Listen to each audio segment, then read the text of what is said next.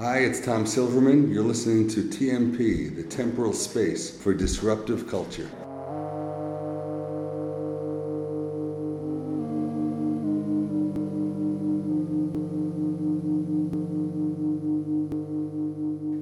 Hej och välkomna till det fjärde avsnittet av TMP.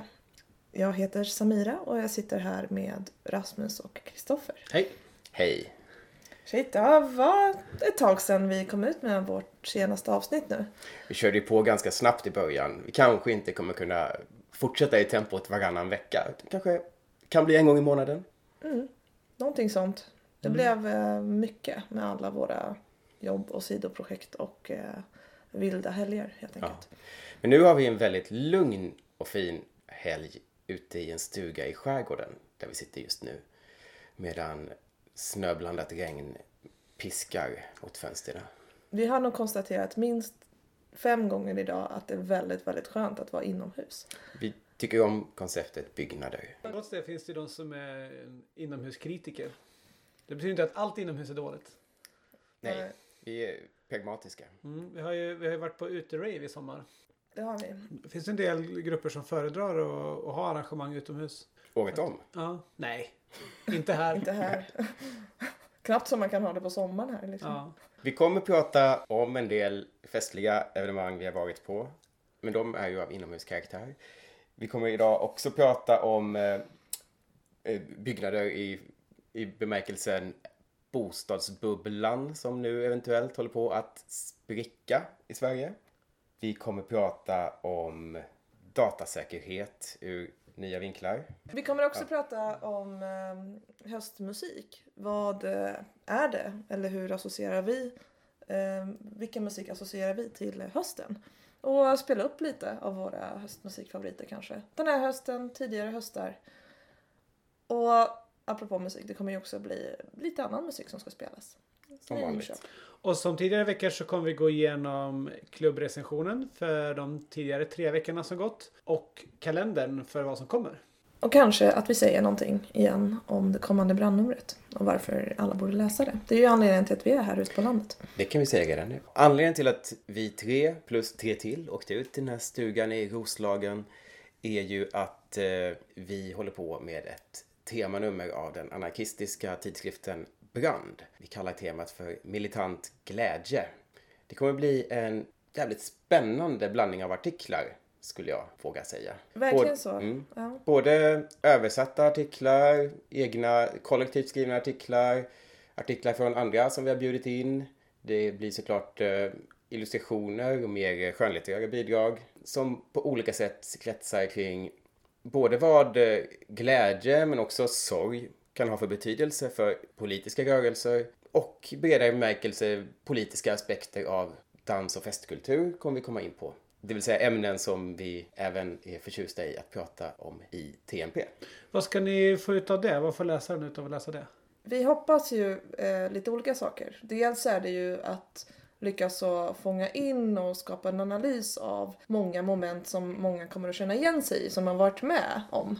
En, en kollektiv upplevelse av att man uppkom någonting tillsammans. Vare sig det handlade om att man skapade ett eh, underjordskulturevenemang eller man var med i eh, mobiliseringen inför en politisk händelse. Dessa är känslor som vi vill plocka upp och vi vill sätta dem i förbindelse med varandra och vi vill fråga oss vad är det vad är drivkraften bakom de här rörelserna som man är del av eller de här arrangemangen och också hur kan vi förstå deras roll framöver och hur kan vi på något sätt förvalta den här glädjen. Detta i kontrast till en nyliberal idé om lycka som något konst, konstant vara, som ett tillstånd. Så vill vi istället lyfta de här momentumen eller de här ögonblicken för att säga att de här kräver ett skapande och ett görande. Det är inte ett konstant tillstånd som man hamnar i, men de är nog så viktiga tillsammans med även sorg. Får jag avslöja en liberal lycka jag går och drömmer om? Och det är ju drömmen om en egen bostad.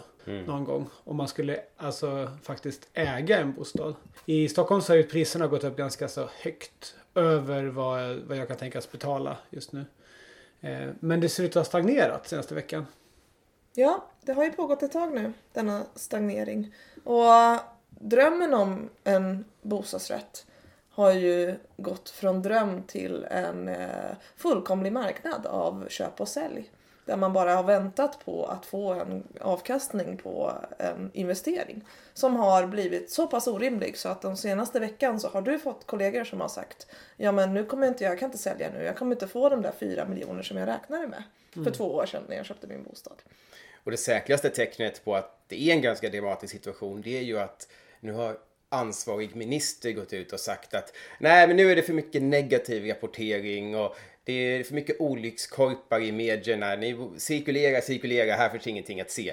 När, när minister går ut och säger så om läget i ekonomin då, då vet man att det, det är liksom någon form av kris. Hade det varit en justitieminister eller i någon rättslig post så hade det varit ministerstyre. Men det kanske inte funkar så i ekonomin. Nej, För att ekonomi ekonomi bygger på speciellt. spekulation så att man behöver att folk faktiskt ska fortsätta att tro på marknaden för att den inte ska haverera. Ja. Och då är det ett desperat försök till det som inte kommer att vara tillräcklig eller ge jättestor effekt tror jag. Jag minns hur det var för nio år sedan, alltså hösten 2008 när globala finanskrisen bröt ut på allvar. Och vad världsledarna sa då var ju liksom det enda vi ska vara rädda för är rädslan själv. För rädslan kommer skapa, alltså det är så här, det blir någon slags rekursiv logik där liksom så här, om man överhuvudtaget tänker att det är en kris så kanske det blir kris. Och så, så här, ja, paniken liksom. Låter inte så stabilt om det rör mitt framtida boende liksom. Nej, det, situationen är ju inte så stabil och det är väl alla ganska överens om. Nu har ju liksom eh, svensk politik både från regering och från riksbank bidragit till att blåsa upp bostadspriserna i Sverige något otroligt under de senaste ja, tio åren. Och innan dess också. Hur då? Det är ju till exempel genom de låga och rent av negativa styrräntorna som gör det väldigt, eh, som gör att eh, bankerna får tillgång till väldigt mycket pengar som de pumpar ut. Och bankerna har ju förvandlats mer och mer till rena bostadslåneinstitut. Eh, Per Björklund som är journalist vid Fria Tidningar, tror jag. Han har skrivit en väldigt bra bok som heter eh, Kasinolandet, bostadsbubblan och den svenska modellen. Eh, som skiljer det väldigt bra hur eh, svenska banker idag liksom, till allra största del drar in sina pengar just på att de lånar pengar till negativ ränta från Riksbanken och sen lånar de ut det till något högre ränta, men ändå väldigt låg ränta, till folk som köper bostäder. Och den dagen räntorna stiger, då är det klart att då får det väldigt stora konsekvenser för var och en som har tagit de här lånen. Därtill kommer så här ränteavdrag och annat, olika skattetekniska funktioner som allting bidrar till att blåsa upp bostadspriserna. Och det finns ju liksom ett politiskt skäl till detta. Det är ju en väldigt stor del av Sveriges befolkning som detta omfattar och som har sett stigande bostadsbubblor och därför kan känna sig lite rika och som också kan ta ytterligare lån med de här eh, värdestegrade bostäderna som säkerhet. Och eh, det finansierar ju inte minst, eh, ja, man kan- köper nytt kök och då får man rutavdrag för det också. Det, då får folk jobb med det. Det här är ju det som i väldigt hög grad har hållit den svenska ekonomin i rullning sen förra finanskrisen. Vi är väl bland de mest belånade befolkningarna i världen här för mig. Alltså att Ja. vår individualskuld är bland de högsta. Vi har inte hög statsskuld på samma sätt men istället så är vår befolkning extremt individuellt belånade. Precis, det är ju det som kännetecknar Sverige. Och det är ju det som, alltså till och med sådana här internationella valutafonden och sånt hela tiden varnar för att Sverige, Sverige, Sverige, hallå, det här är inte hållbart. Och Sverige bara, nej men vi vet, men det går heller inte att bromsa nu. Det går liksom inte. Och vad händer då liksom när inte prisökningarna fortsätter längre? Då är det en ganska skakig situation. Och det är ju... Vi, alla vi tre bor ju i hyresrätter. Vi har inte de här lånen. Eh, och det är ju lätt att känna skadeglädje någonstans, är det inte det? Ja, men det är, om jag ska vara ärlig så är det också en, en potentiell dröm som går i kras ändå. Alltså om man... Eh, vi behöver ju flexibilitet för att kunna växa om vi vill skaffa barn eller göra någonting sånt i framtiden. Så, så vill jag ju ha möjlighet att kunna byta bostad. Och det kanske blir mycket svårare om en större del av bostadsmarknaden är helt otillgänglig på grund av att folk försöker sälja för flera miljoner högre än vad de kan sälja för. Plus att eh, om folk behöver eh, sälja sina bostadsrätter så kommer det bli ännu högre tryck på hyresmarknaden. För många av de som har bostadsrätt har ju stått och, och hållit på sina platser i bostadskön under tiden. Så vi som bor i hyresrätt kommer inte få det lättare att flytta till större. Alltså med att intresset och tacka ja-andet kommer bli, bli högre. Oh ja. För vi, vi har ju sökt en del hyresrätter och då har det ju väldigt ofta varit så att det har varit många framför oss i kön men vi har ändå fått erbjudande om visning på ett konstigt sätt. Så det kan vara liksom 40 personer framför i kön och så får man erbjudande om visning och bara Hallå, vad gjorde ni andra 40 personer här? Men det är de här 55-åringarna som sitter i sina bostadsrätter och tänker att de ska eh, sälja och flytta till hyresrätt när barnen har flyttat hemifrån. Liksom. Ja, det vi kan säga är att alltså, kommer det här prisfallet som nu verkligen verkar vara på gång så kommer det ju få konsekvenser på flera plan. Det kommer påverka relationer mellan rika och fattiga, alltså klassamhället, hur det ser ut i Sverige. Men också väldigt hög grad mellan äldre och yngre generation och mellan såklart storstad, småstad och landsbygd på sätt som vi inte helt kan överblicka och som inte såklart är hugget i sten i förväg. Men det är ju såklart så att eh, liksom, styrande politiker från över hela spektrat kommer ju inte låta den här smällen slå mot de som har lånen bara. För det är ju en extremt stor och viktig väljargrupp för alla partier. Så det är fullt möjligt att det blir vi andra som kommer få ta huvuddelen av smällen i slutändan. Det vill säga att eh, på ett eller annat sätt staten går in och täcker upp, bailar ut de här förlusterna och sen eh, drar in på någonting annat som i slutändan blir vi som får betala. Och eh, jag menar de som, de grupper som, jag, jag, jag tror att vi som inte äger bostäder kan ligga ganska illa till också. Men det är klart en politisk fråga och det är ju, öppnar ju för en kamp liksom. Men allra värst till ligger väl kanske de eh, yngre människor som har kommit sent in på bostadsrättsmarknaden och inte har varit med om de här prisökningarna som vår föräldrageneration i hög grad var med om. Precis, inga prishöjningar och satsat allt. Kanske till och med tagit ett topplån. Liksom. Ja. Så att de har ju inget extra kapital. De har ingenting. Det är liksom, ja, det är den, det kapital de har. Och det kommer att sjunka ner under det de kanske själva eh, ja, men tog lån för. Liksom, i Och, värde. och, och också deras föräldrar som i hög grad har fått gå in och betala bostäderna till, alltså i, Till sina barn. ja, i, i, många i den föräldragenerationen som har, som har fått göra det, kanske arbetarklassföräldrar i högre grad liksom, um, som fick ihop lite pengar på att deras eh, bostad gick, ökade i värde och sen kunde låta det gå vidare till sina barn och nu ryker en massa värde. De kommer ju få ställa om sin syn på hur de ska leva under sin pensionstid. Och allt det här kommer ju få politiska konsekvenser. Det kommer ju, eh, det kommer ju hetta till på många sätt. Jag tror man kan säga att det kommer bli ett mer polaris- ännu mer polariserat politiskt klimat i Sverige. Ja, och det har vi ju redan. Vi har ju eh, allt eh, högre inkomstskillnader mellan fattig och rik. Eh, det präglar ju sig Sverige och Storbritannien av bland de som har störst inkomstskillnader, eller i ökning då, i Europa. Men också att alltså man kan konstatera att det är ju ett farligt att sätta basbehov som boende, som vård och så vidare och avknoppa det. Alltså att ha en tillförlit till att marknaden sköter det överlag. Två, det är ännu farligare ifall den baseras på lån som folk måste ta. Och där har vi förstås tandvårdslån och annat också som också kan, eh, som är väldigt ja, men farligt att eh, förlita sig på det helt enkelt. Och Kommer- tre då att alla finans och ekonomikriser hittills har väl eh, på olika sätt drabbat de som har det värst i samhället redan. På olika sätt. Och nedskärning av välfärd är ett sätt. Ja, arbetslöshet naturligtvis. Ja. Eftersom konsumtionen idag drivs av skuldsättning så kommer, när den inte längre kan göra det så kommer folk förlora jobbet. Men trots alla dessa politiska och ekonomiska farhågor så kan man ju fundera lite på lite mer oväntade konsekvenser och möjligheter i en bostadsbubbla. Det kan gå snabbt, det kan gå långsamt. Ingenting säger att bostadsbubbla spricker på en månad. Det kan ta flera år. Men det kommer ju påverka hur våra städer ser ut, vilka rum som finns tillgängliga. Eh, vi kanske till exempel, kan jag tänka mig, får ett slut på den här hysterin med att bygga köpcenter och eh, arenor. Och ganska sannolikt så kommer det kanske uppstå också en större tillgång till tomma rum som kan användas till andra verksamheter som inte har riktigt lyckats få rum under den överhettade bostadsmarknaden. Bland annat undergjort kultur då. Ja. Ja, återstår att se. Men vi följer allihop med spänning. Ja.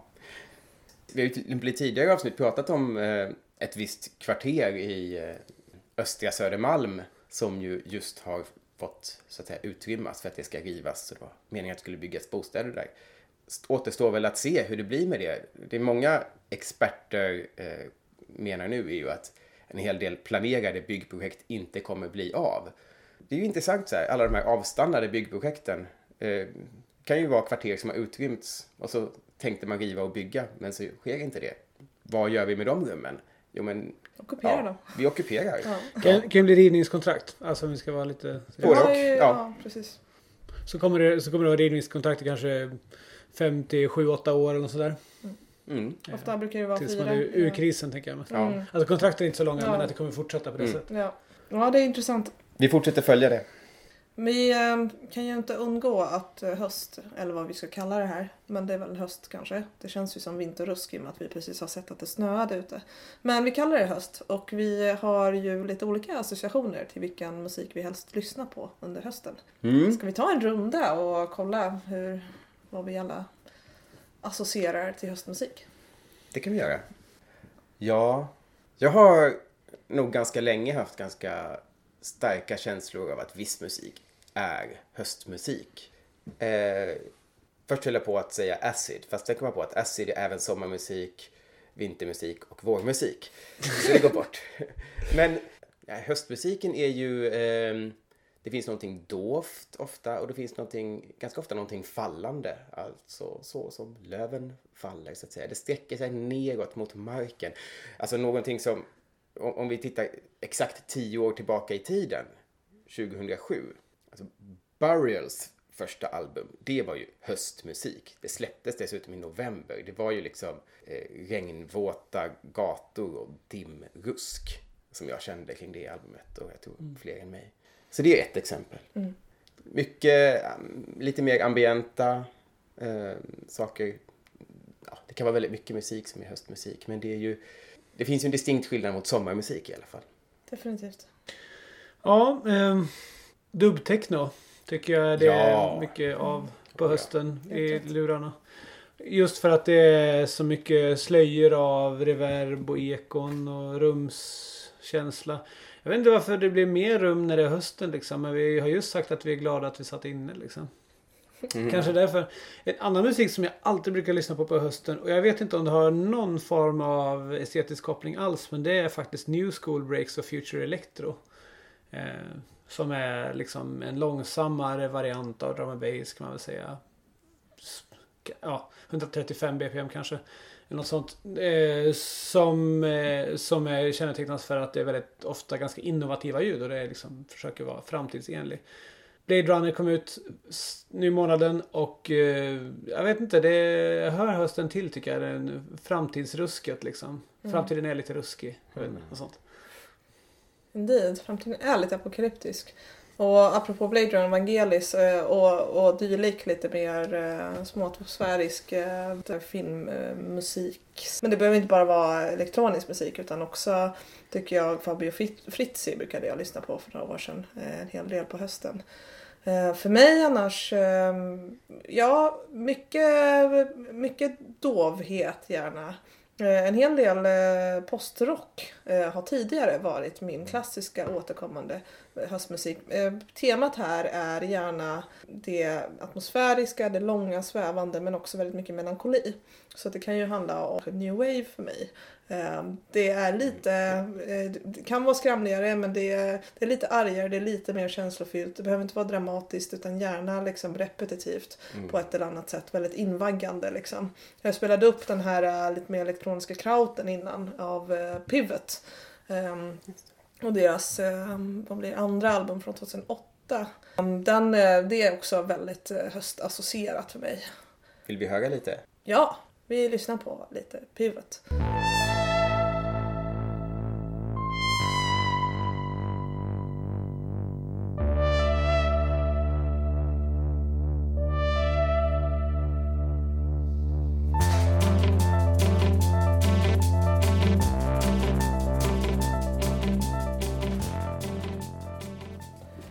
Ja, vi lyssnade precis på Pivot med O Soundtrack My Heart på temat höstmusik. Är det möjligen så att eh, du Rasmus eller Kristoffer vill spela upp någon favorithöstdänga också? Ja, jag har hittat en, en höstdänga, en, eh, en höstkassett som jag just fick hem. Jag beställde den från Lamour Records. Lamour som ju även har en, en eh, utmärkt podcast Den är hi-fi, till skillnad från vår som är lo-fi. Eh, rekommenderas att lyssna på. Lamour har gett ut eh, en kassett med eh, en eh, Malmöartist som kallar sig A thousand mouths. Och eh, jag tycker den är väldigt höstig. Lite, drar åt lite höstacid med lite ambienta lager. Jag kan spela lite från en låt som heter Months.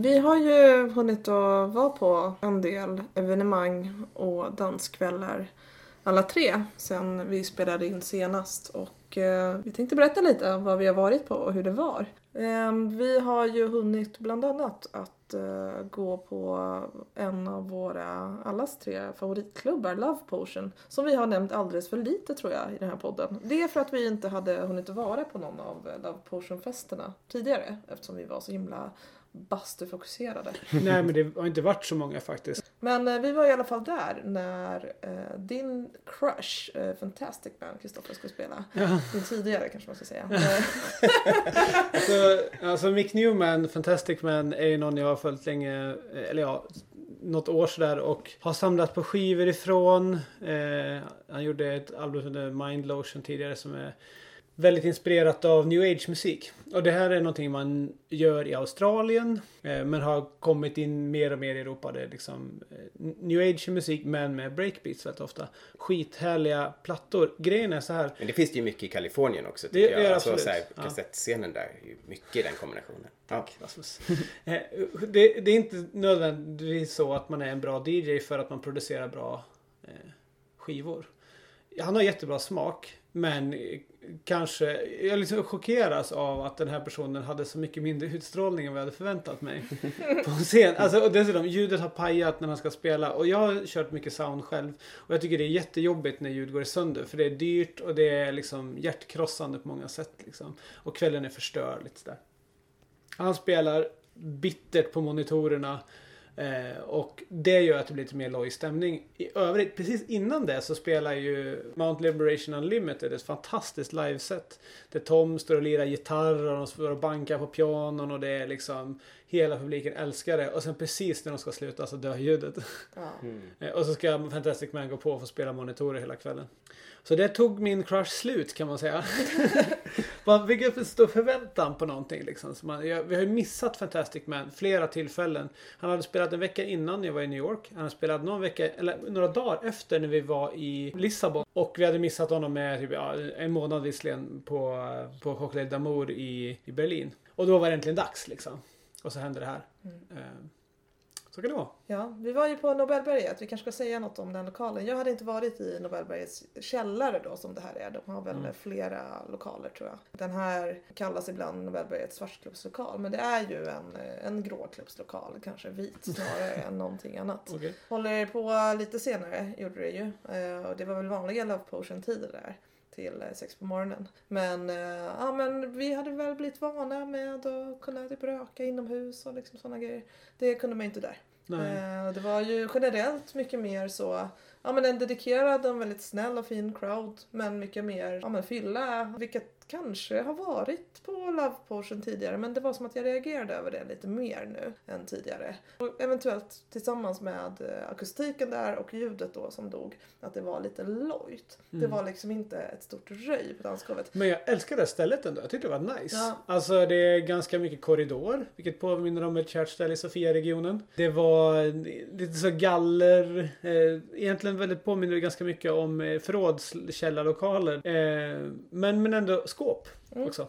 Eh, Bonuspengar. Jag är väldigt positivt inställd till den biten. Intimt, Ja. vilket jag gillade. Till skillnad Ja. från andra lokalen. Eh, Det var verkligen ett stort plus. Men ljudet slukades ganska snabbt av publiken längst fram för att det är lågt i tak. Mm. Och då är det så att diskantljudet eh, färdas inte så långt som det brukar. Eh, basen fångades också upp av en ganska så eh, bred folkmassa där framme liksom. Och det gjorde att bara någon meter bak så var det väldigt svagt ljud. På ett sätt. Det är ju skönt för man kan hålla en konversation och sådär. Men eh, Det finns ju vissa nackdelar med det också. Ja. ja. men lokalen ska vi ju definitivt tillbaka till.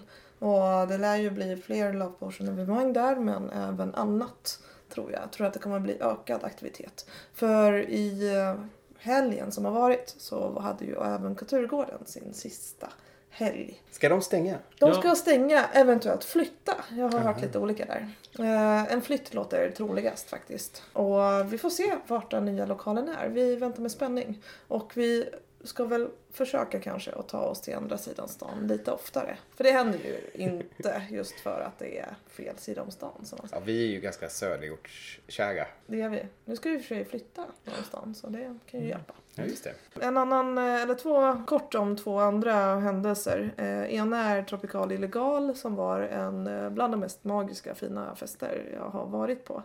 Faktiskt. Så himla gulligt evenemang alltså. Extremt gulligt. Så proffsig arrangörsgrupp som eh, verkligen skötte hela arrangemanget fantastiskt bra. Och eh, jättevacker lokal. och Fantastiskt inspirerande barnteaterlokal som det är annars. Som ju också låg i det här kvarteret i Sofia som nu då är tänkt att rivas för att bli bostäder. Så det kanske var Precis bland det sista som skedde där också. En Så, 11-årig teaterlokal Ja. har det ju varit innan vi fick uppleva det Mm. i den formen. Otroligt vad de har byggt i den lokalen. Det var verkligen som att stiga in i en det går annan knappt värld. inte att beskriva. Det Nej, var som det... Alice i Underlandet typ. Ja, verkligen. Rutschkana, en sak som fanns till exempel. Och sen en massa små detaljer som att det sitter i ett rum sitter det liksom några och spelar Hawaii-gitarr. I ett annat rum så är det trav. Alltså, Genialiskt. genialiskt. Trav och klubb. Ja. Det vill vi ha mer av. Tänkte inte ens på det att den här traven de visade var inspelad. det kändes live. När vi stod och satsade på hästar för första gången i livet. Man stod där och skrek. Det kändes så jävla live. Sen bara efteråt bara, hmm, visar de verkligen trav på tv mitt i natten? Va? Ah. Hur är det möjligt? Repris. Men ja, eh, discoälskande Ja, deltagare. du spelade ju till exempel Jag spelade ju, eh, tillsammans med min vän Johan Hellis. körde vi tre timmar. Det var väldigt roligt att se engagemanget och de eh, utlevda dansen. Och lite weirdness och lite kinky och lite craziness fanns det också. Och det var väldigt fint tycker jag. De hade, de hade allt den festen. Ni som inte var där missade något. Och sen slutligen vill jag bara nämna en annan sak och det är en eh, discopub som jag och vänner ordnade på Cyklopen. Det var, jag vill nämna den för att vi fick till ett dansgolv en onsdag kväll. Så det var fullt röj på dansgolvet i ett antal timmar. Och i övrigt så hade vi en lång lyssningssession med några besökare efter att de flesta var tvungna att gå på grund av vardag och jobb. Kommer det- till sent. Kommer detta bli något återkommande på Cyklopen? Det kommer det. Och vi har redan planerat nästa discopub som kommer att vara kring Lucia. Så 13 december borde stämma. Kom gärna. Om man eh, gillar disco så kommer man att älska disco.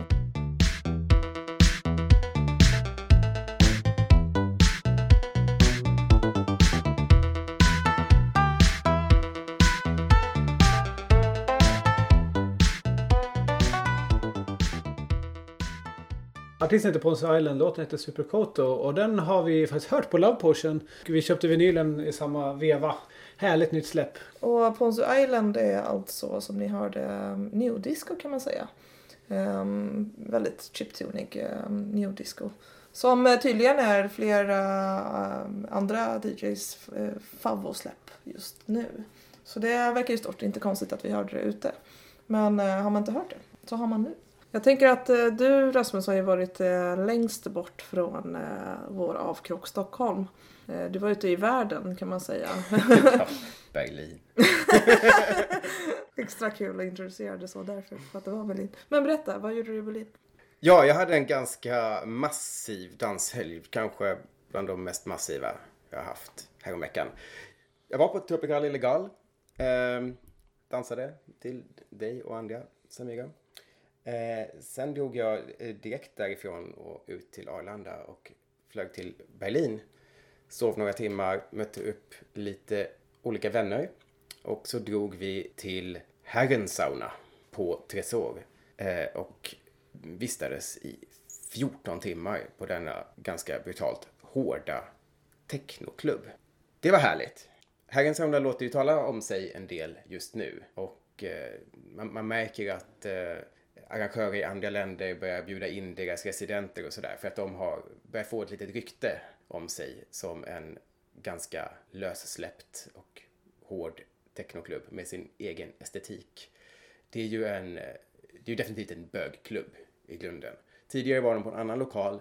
Nu har de flyttat till Tresor som ju är en, en technoklubb med eh, ganska gamla anor. Den fanns ju redan i tidigt 90-tal på andra lokaler. Och om man skulle jämföra med eh, till exempel Berghain så har ju TSO en lite annan inriktning. Alltså dels är det ju inte samma hårda dörrpolicy. Men det finns också en, en tradition på TSO att det är ju ganska mycket alltså östtyska kids. Det har alltid varit det som går dit. Liksom. Som kanske inte ens bor inne i Berlin utan i omgivande förorter ute mot Brandenburg och så. Så det är liksom lite mer proletär känsla på Berghain skulle man kunna säga. Det är lite mindre, mindre hippa konstmänniskor och lite mer östtyskt. Det är, alltså, det är mycket fler som pratar tyska och färre. Man hör inte ingen annan som pratar svenska. Jag tycker liksom. Tresor har en yngre publik än vad Berghain har också. Det är, det är möjligt. Samtidigt som nu när det var Herrens sauna så var det ju en lite intressant blandning av då dels Tresor-publiken och dels eh, bög och queer-publiken liksom, som, som kommer av Herrens. Det var i alla fall väldigt lyckat. Jag tycker det var eh, bra stämning på dansgolvet. Den varierar lite. Vi kom, alltså, Herrens tvåårsjubileum var en ganska eh, långdragen historia. Den höll på i ja, två nätter in på eh, måndag förmiddag. Eh, och eh, vi kom dit eh, söndag eftermiddag kväll när det just hade liksom första eh, första omgången folk hade börjat droppa av och det började komma liksom, sen efterhand började det komma in en, en andra omgång. Så det var intressant att se hur dynamiken förändrades. eh, det fanns liksom ett dansgolv där det spelades mm. bara ashård techno hela tiden. Jag råkade av misstag ha på inspelning på min telefon. Så jag kan spela helt kort lite hur det lät. Ja, gör det. Ja, låter snyggt.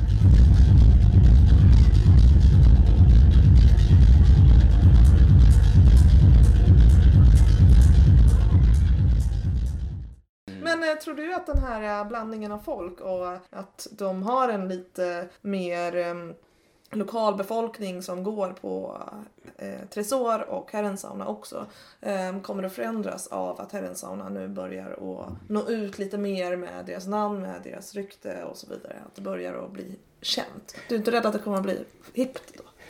Det kommer det säkert. Alltså det kommer säkert eh, komma fler svenskar och fransmän och så vidare till Herrens sauna. Det är väl inget fel med det. Det är väl jättebra om, om eh, fler kan upptäcka det. Det är ju en eh, Eh, och jag har redan sett att eh, liksom, en av Herrens saunas residenter spelade, jag tror det är den här helgen som vi spelar in det här, som, han spelar på eh, Kalmar nation i Uppsala tror jag, där de skulle ha liksom, queer technofest. Sådär. Det är, ja, men det är intressant. okej okay ja. om det bara är Herrensauna som utökar sin publik. Men ja, om även mm. Tresor mm. och de arbetarklasskids från Östtyskland, forna Östtyskland som tidigare hängde där mm. börjar att känna att om det här är ingen plats för mig så är det ju tråkigt. Ja, nej men jag tror inte det. Jag tror egentligen inte det är någon fara så liksom. Jag tror att det, det, det känns ganska stabilt. Det står också ett väldigt stort venue. Mm. Jag vet inte om det påverkar. Alltså, jag är inte stort fan av de gigantiska arenorna. Men eh, det kan, det kan ju göra att man inte märker av sånt. Ja, det är ju inte... Alltså, själva källarbunkern där ah, dansgolvet okay. var nu, okay, den är ju inte så himla stor. Den är ju mm. ganska liten. Det är ju in, ingenting mot uh, Berghains stora hall. Ja, liksom. nej, de har en hangar också. Okay. Ja, de har ju, ja precis. Men den var stängd där okay. uppe. Så det var, det var ganska litet. Väldigt trevlig stämning. Uh, mycket öppen sex. Alltså, män som stod och sög av varandra mitt på dansgolvet. Mycket sånt liksom. Så det var ju liksom en glad av uh, sexuell utlevnad som man inte stöter på en, en eh, vanlig natt på Berghain ens liksom. Ja, men det är ju ett bra sätt att avskräcka även eh, turister i klubbvärlden faktiskt. Eller locka turister. locka rätt turister, ja. precis. Men, men jag menar turister som, turister som verkligen bara klubbturister. Som inte har, är så magstarka och inte ja, men, tycker att sånt där är jobbigt. Liksom. Mm. Ja, kul att höra om Herrensauna. Ja, sen eh, vi hängde kvar i Berlin, hängde i parker, läste böcker ihop. Som vanligt så köpte jag på mig lite tidskrifter och, och böcker på tyska som jag tycker är kul. En favorit, en tysk favorittidskrift jag har heter Testcard. Beiträge zur Popgeschichte. Eh, som är en slags eh, ganska teoretisk men samtidigt väldigt eh, liksom så här, underjordsinriktad eh, tidskrift som eh, på olika sätt skriver om eh, popkultur i bredaste bemärkelse, framförallt musik. Väldigt eh, högklassiga resonemang, det är ofta smarta grejer där. Deras senaste, och den är som en bok, den kommer en gång om året ungefär. Deras eh, senaste numret av Testcard handlar om kritik. Det här tyskans allra mest centrala ord, som jag upplever det. Eh, underbart. Eh, bland annat en utredning om den fulla bredden av alla saker som kritik kan innebära. Och det är ju så här, tycker jag är befriande att man kommer bort från den här vardagsbetydelsen. Eh, man, ja, jag tycker det där är dåligt, så jag kritiserar det. Liksom. Utan det här är kritik, det kan vara, all, det kan vara från teori till praktisk kritik. Det kan vara från att göra ner någonting till att vara del av någonting och utveckla det. Och eh, man kan ha så olika måttstockar och positioner att kritisera utifrån och så vidare. Det var, det var roligt att läsa. Så eh, jag menar, det är ju vad vi sitter och gör här också. Vi, vi lägger ju an kritiska perspektiv på bland annat eh, musik och danskulturer och på eh, teknik som vi återkommer till mm. i varje avsnitt. Jag var på en konferens i helgen som heter T2 i Helsinki. Och eh, den är en säkerhetskonferens för mycket företagsanslutna personer. Men det var också eh, ex-anställda för olika myndigheter som var där, bland annat NSA folk och pratade om, om säkerhet. Jag fick många sådana upptäckter runt kritik och kritiskt tänkande. Och just eh, för att betona kritiskt perspektiv. Perspektivdelen är jätteviktig när man ska titta på, eller upplevde jag det som viktigt när man ska titta på, på riskanalys eller vad, vad finns det för hot mot, mot en själv när man till exempel är uppkopplad mot internet. Om man är en rave-arrangörsgrupp så finns det vissa tillgångar som man vill hålla hemligt eller vara försiktig med. Det är ens pengar, platsen, lokalen, ljudet. Väldigt mycket. Medlemslistor förstås. Alla de här eh, tillgångarna måste man skydda på olika sätt. Om man till exempel mejlar till alla sina besökare och skriver alla mejladresser i tovfältet. Då kommer alla se vilka som är besökare och de kommer se varandra. Det skapar alltid irritation, 100%. det minns jag. Eh, och, det, och det förstör ens varumärke till viss del men det förstör ju också säkerheten eller privatlivsaspekten för deltagarna. Och förtroendet. Absolut. Och för att kunna förstå vilka problem man har så måste man förstå vem är det som är ute efter att ta reda på någonting. Vissa saker kan ju vara banala. Alltså att att man får reda på vilka andra som går på den här ravefestens e-mailadresser är kanske inte är så viktigt. Vi pratade om Biletto tidigare där man kan se Facebook-namn och ansikten från andra som har köpt biljetter. För övrigt kan man kontakta Biletto och be sig bli borttagen. Ah. Det gjorde jag och min, eh, min historia över vart jag varit är borta. Intressant. Mm. Gör det. En annan sak som ni arrangörer där ute borde tänka på också är att varje arrangemang har ett löpnummer. Eh, de här löpnumren är nu ska vi se, sexsiffriga. I Stockholm börjar de på 21.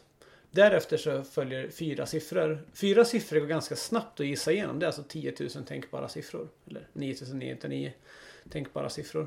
Som skulle kunna stå i det fältet. Så om man skriver ett program som testar igenom de här så får man ut alla Stockholms event under en överskådlig framtid. Det här är ett problem för er därför att om ni vill publicera ett hemligt event bara till era medlemmar som folk ofta gör. Eh, så går det för en angripare. Eh, som vi kan spekulera i skulle kunna vara till exempel en tillståndsmyndighet eller polisen och ta reda på var det här eventet finns. Och när vi gjorde en sökning genom alla event så hittade vi en hel del Stockholms Rave-event. Vi hittade piratkopieringsevent och diverse halvolagliga eller lagliga saker som faktiskt eh, skulle gå, gå att upptäcka.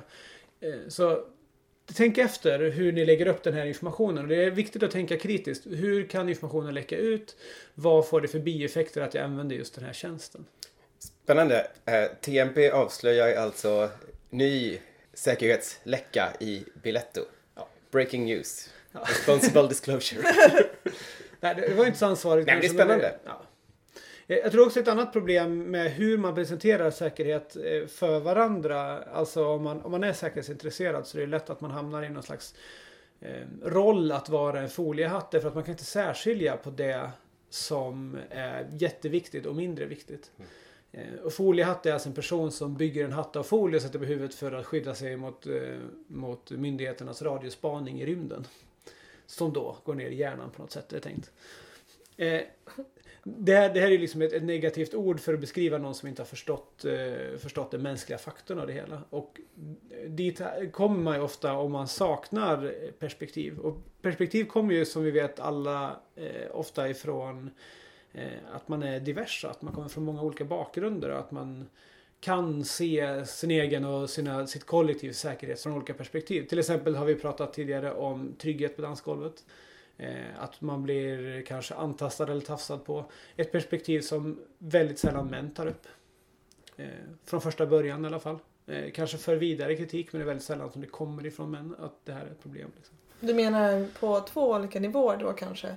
Att har man en divers grupp så kan man komma och fånga upp eventuella risker med hur man hanterar någonting eller vilka som kan komma och bli drabbade på olika sätt genom att folk har lite olika perspektiv en divers grupp har en sammansättning av människor då som har andra erfarenheter och genom att de har andra erfarenheter så kan de täcka, täppa till det som kunde vara en säkerhetsrisk men som också kan vara en, en integritetsrisk mot personer i form av trakasserier och så. Är det så du menar? Ja, och, och det är viktigt att de här personerna finns i en form av maktposition.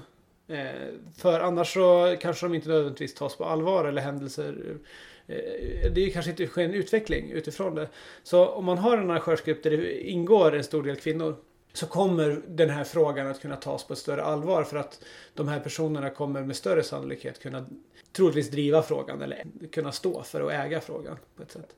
En, en, eh, då ska vi förstås inte essentialisera. Överlag bättre att ha fler kvinnor. Men vi kan ju också se ibland tendenser på att man inkluderar de kvinnor som inte oftast har ett kvinnligt perspektiv på det sättet. Alltså att man tar in kvinnor i en chefsposition som själv eh, har väldigt maskulina normer som hon baserar sitt chefskap på. Och också håller andra män om ryggen. Mm. Alltså det finns ju Och det kommer tillbaka till kritik. För det här handlar ju om att gruppen måste kunna hantera kritik. Hur, den, hur den, man vänder och vrider på det. Alltså att om det är så att du kan välja att ta in en person som är olik dig själv till utseendet men väldigt lik dig själv i värderingarna så slipper du höra kritik från den personen. Och det kan vara lätt för att på ett pragmatiskt plan jobba snabbt. Man kan ha en duokrati där man utvecklar sitt kollektiv väldigt fort. Men man kan inte utvecklas eh, för, för eh, tryggheten för den större gruppen om man inte har det bredare perspektivet. Det var något jag lärde mig på T2. Jag blev väldigt eh, glad över att se det perspektivet i ett nördsammanhang. Så jag tänker öppnare om, om, om, om, om säkerhetsanalys från ett kritiskt perspektiv. Liksom. Mm. Väldigt spännande att höra och, och viktigt och någonting man kan ta med sig i alla grupper faktiskt. Inte bara när det kommer till eh, en teknisk grupp som håller på med säkerhet antar jag. Ja. Ja, för den här, den här typen av kritiskt tänkande det handlar ju om hur vi fungerar socialt som kollektiv eh, med varandra. Men det handlar ju, det är nödvändigtvis inte samma sak som den kritiken som togs upp i, i din tidning Rasmus.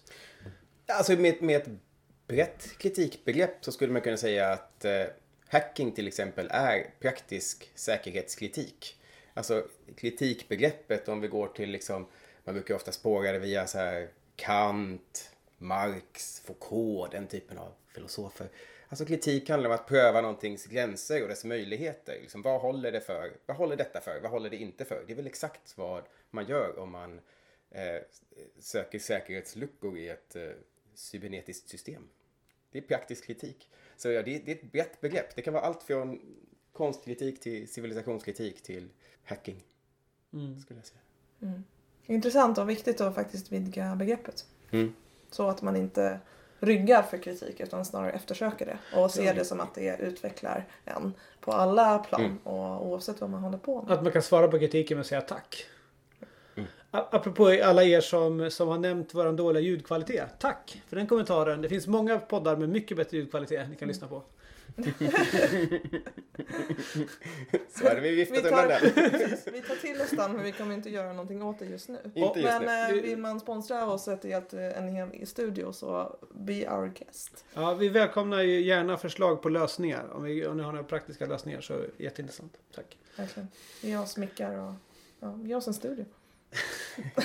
Det är så lokal. Jag var så lokal hos hennes studio. Det kändes som en önsketimme. Kan man be om det här? Ja, det kan man. Eh, vi har ju några datum att se fram emot. Vad är det här för någonting? Love Potion, 11.11. Det är lätt att Precis. komma ihåg. Det är lätt att komma ihåg och det är Mike Huckabee, denna eh, efter Belleville 3 eh, DJ från Detroit. Eh, kommer hit. Eh, också legendstatus på sina sätt. Och eh, vad är det han producerar? Det är väl eh, mycket deep house tror jag, men också en del techno. Jag har inte lyssnat jätteaktivt på Huckabee själv men eh, jag tänker att det kommer att bli en väldigt bra och fin spelning. Och han är fortfarande aktiv och eh, producerar och gör ny musik. Jag läste just en intervju med honom där han pratar om samplers och olika samplers han använder och ser en framtid av fler modularsyntar. Eh, och att det kommer att användas oftare.